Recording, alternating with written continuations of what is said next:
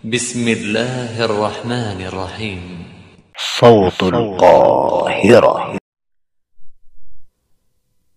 Bismillah. Assalamualaikum warahmatullahi wabarakatuh. Selamat datang di podcast Suara Kairo bersama saya Arif Rahman Hidayat. Dan kali ini teman-teman sekalian, kita mau bahas sesuatu yang lumayan ramai diperbincangkan sama orang-orang di internet. Dan pastinya eh, kebanyakan dari teman-teman mungkin udah tahu atau dengar tentang berita ini. Yaitu kejadian yang menimpa Ustadz Khalid Basalamah. Hafizullah Ta'ala yang mana beliau menjawab pertanyaan dari seorang jemaah yang mana video tersebut juga sudah diambil cukup lama mungkin hampir tahun lalu atau lebih lama dari waktu itu beliau ngejelasin atau menjawab pertanyaan tentang hukum wayang kemudian beliau jelaskan apa adanya ya bahwa wayang itu terlarang dan lain sebagainya dan beliau juga disclaimer di awal tanpa menghor tanpa mengurangi rasa hormat saya terhadap adat istiadat. Kemudian beliau jelaskan bahwa adat itu harus mengikuti standar syariat, bahwa syariat adalah jadi bagian dari standarnya umat Islam, bagian dari standarnya kaum muslimin agar kaum muslimin tahu standar beragama gitu, diseragamkan standar beragamanya. Kemudian video potongan ini ramai sampai akhirnya ada orang yang melaporkan beliau. Kemudian juga ada kumpulan-kumpulan uh, yang mereka mengaku sebagai budayawan ya mensomasi beliau. Ya. Ya memberikan pernyataan bahwa mereka tidak setuju dan ingin uh, menuntut beliau kemudian diramaikan juga oleh beberapa orang-orang yang biasa membuat kegaduhan di internet di negeri kita tercinta ini sehingga ramai dibicarakan orang dan jadi pro kontra. Kita nggak akan bicara tentang apa yang terkandung di pro kontranya ini atau tentang wayang ataupun tentang hukum ya. Kita mau sedikit ambil pelajaran dari kejadian ini, dari kejadian yang menimpa Ustadz Khalid Basalamah. Ya. Dari pro kontra wayang yang terjadi hari ini, ada satu pelajaran yang bisa kita ambil bersama yaitu bahwa jejak digitalmu bisa jadi harimaumu. Jejak digital kita bisa jadi harimau buat kita. Karena kita nggak tahu apa yang kita sampaikan hari ini, apa yang kita bicarakan hari ini, apa yang kita suarakan hari ini, apa yang kita tulis hari ini di internet, di media sosial, suatu hari bakal dipotong sama orang diviralkan sama orang dan jadi kegaduhan ya. Jadi sesuatu yang memadorotkan kita. Atau jadi sesuatu yang diramaikan yang keramaian itu tidak kita inginkan. Kegaduhan itu pastinya tidak kita inginkan dan di situlah letak bahayanya internet saya yakin Ustaz Khalid Basalamah Fidullah Ta'ala ketika menjawab pertanyaan tersebut ya itu tidak memaksudkan untuk agar ini jadi rame. Dan bahkan beliau mungkin nggak pernah kebayang bahwa hal ini akan jadi rame atau akan jadi gaduh ya akan diviralkan sampai sejauh ini tapi ternyata ya karena ada orang-orang yang mungkin ya dalam hatinya penyakit, kemudian mereka berkeliaran di internet, mereka ngerasa ada uh, pernyataan ini menyerang mereka sehingga ya dipotong dan diramaikan. Atau bahkan potongan-potongan ini juga bisa jadi berasal dari mustaminya Ustadz Khalid sendiri misalnya. Dengan niat bahwa ingin pernyataan ini tersebar agar orang tuh ngerti tentang keharaman wayang dengan maksud yang baik. Tapi ya itu sekali lagi teman-teman. Maksud yang baik tuh nggak cukup gitu. Niat baik aja tuh nggak cukup, tapi harus dengan cara yang baik, dengan cara yang benar. Gitu. Harus tahu situasi dan kondisi ketika menyampaikan. Tapi kadang-kadang kondisi di internet hari ini tuh ngebuat kita susah untuk menerka situasi dan kondisi. Apakah ini bakal rame atau ini enggak?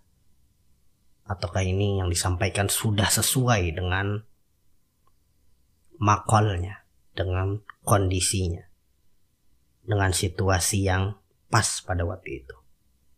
Dan saya yakin Ustadz Khalid Basalamah Fidullah Ta'ala beliau menyampaikan ini dengan pertimbangan yang baik, dengan cara yang baik, dengan uslub yang benar, dan dengan kehati-hatian yang luar biasa. Tapi ya, ada orang-orang yang ternyata ketika videonya sudah naik, ya, tetap aja bisa rame. Nah ini bisa jadi pengingat buat saya sendiri dan buat kita semua teman-teman. Ketika seorang yang berilmu seperti Al-Ustaz Khalid Basalamah, ketika seorang yang sepak terjang dalam dakwahnya sudah tidak diragukan lagi. Ketika seseorang yang pastinya kebijaksanaan dalam hidupnya tidak kita ragukan lagi. Menyampaikan sesuatu yang bahkan gak dimaksudkan untuk menjadi kegaduhan. Dan nyampainya pun dengan sangat ilmiah. Dengan cara yang sangat hati-hati. Ternyata masih bisa diviralkan masih bisa dapat pertentangan atau dapat madorot yang kayak gini. Ya oke, okay, ada sebagian orang yang mengatakan itu memang bagian dari konsekuensi menyampaikan kebenaran. Iya. Tapi ketika hal ini kejadian sama orang-orang yang berilmu seperti guru-guru kita, asatidah kita, ya mereka tahu cara menghandle ini. Mereka tahu cara berhadapan dengan kegaduhan-kegaduhan yang menimpa mereka. Tapi apa kabarnya kalau hal itu terjadi sama kita?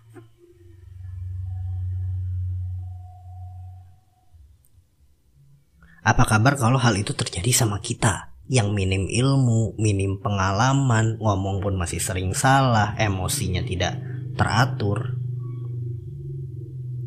Apa kabar kalau kita yang dari omongan kita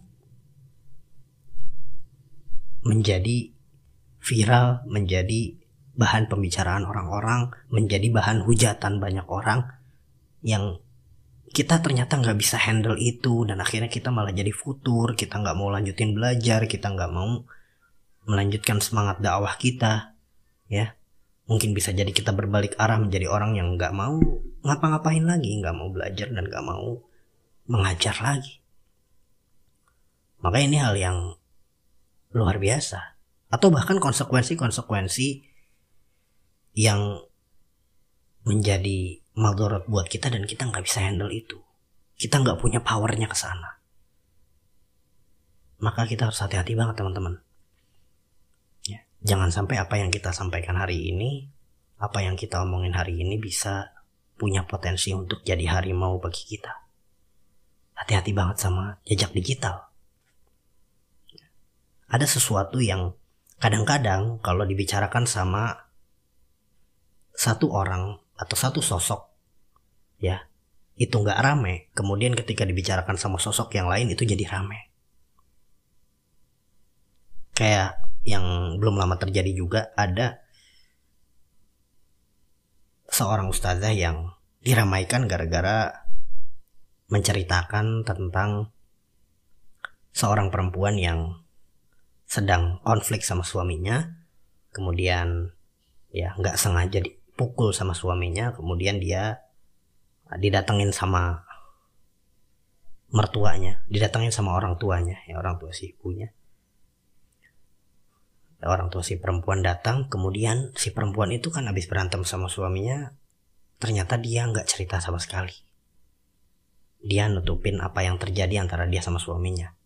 Yang mana istinbatnya adalah kata ustazah ini bahwa ya dia menutupi aib suaminya. Dan ternyata itu jadi rame sekarang. Padahal hal yang sama pernah diceritakan sama ustadz yang lain. Sama seorang ustadz beberapa tahun yang lalu dan gak rame. Tapi ketika itu disampaikan sekarang dan sama seorang ustazah itu jadi rame. Nah, kita harus belajar untuk jadi lebih hati-hati karena kejadian-kejadian kayak gini teman-teman. Kadang-kadang ada sesuatu yang kalau disampaikan dulu gak rame tapi disampaikan sekarang itu bisa jadi rame.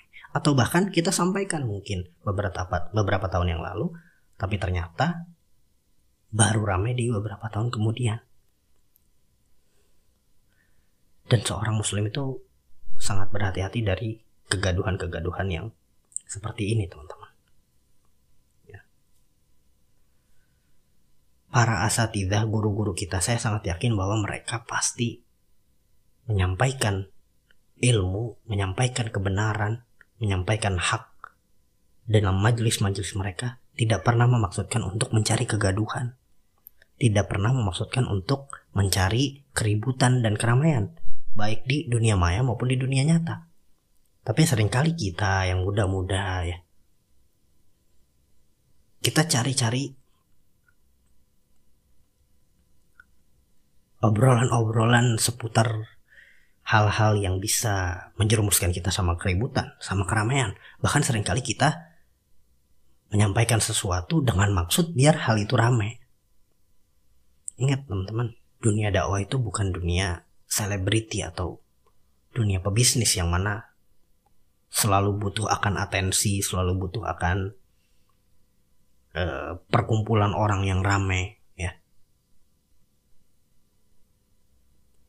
Dunia dakwah itu adalah di mana kita bisa menyuarakan hak. Dan setiap kalimat yang keluar dari mulut kita menjadi manfaat dan maslahat bagi kaum muslimin. Dan saya yakin itu yang selalu dimaksudkan oleh guru-guru kita dan para asatidah kita. Mereka nggak pernah memaksudkan apa yang mereka sampaikan ingin jadi keributan, kegaduhan, apalagi keramaian di dunia maya. Dan juga teruntuk orang-orang yang sering kali motong-motong video, tidak tahu konteksnya. Ini sekarang beberapa asatid sudah mulai men statement kan atau apa ya mengatur postingan mereka dengan dikasih timer ya agar tidak mudah dipotong-potong atau dibicarakan di luar konteks. Ya, dibawa ke luar konteks pembicaraan yang ada pada pembahasannya gitu. Karena bahaya banget teman-teman. Potongan-potongan kajian, potongan-potongan pembicaraan di internet itu bisa dijadikan senjata ya untuk menyerang balik orang-orang yang menyampaikan hal tersebut. Maka harus hati-hati banget. Dan yang paling penting, kita harus senantiasa yakin bahwa segala sesuatu yang kita lakukan di dunia, termasuk yang paling penting adalah apa pun yang keluar dari lisan kita, itu pasti ada konsekuensinya dan semuanya akan dihisap oleh Allah Subhanahu wa taala. Kalaupun apa yang kita sampaikan salah, kemudian dengan kesalahan kita kita membuat orang jadi tersesat. Apa yang kita sampaikan salah, kemudian yang kita sampaikan ya membuat kegaduhan-kegaduhan ataupun tidak membuat kegaduhan. Tapi ternyata tanpa kita sadari itu membuat orang tersesat atau perkataan-perkataan yang menyebabkan kekufuran dalam diri kita maka hal tersebut akan dipertanggungjawabkan di akhirat nanti. Ya. Maka kita harus hati-hati banget sama apa yang kita sampaikan. Teruslah sampaikan kebaikan, suarakan kebenaran. Dan ingat, niat baik aja nggak cukup. Kita harus belajar gimana caranya menyampaikan yang baik, belajar lebih hati-hati agar apa yang kita sampaikan bisa menjadi manfaat dan maslahat bagi kaum muslimin dan umat manusia seluruhnya. Allah taala alam. Terima kasih telah mendengarkan. Saya Arif Rahman dari Kairo Bersuara. Wassalamualaikum warahmatullahi wabarakatuh.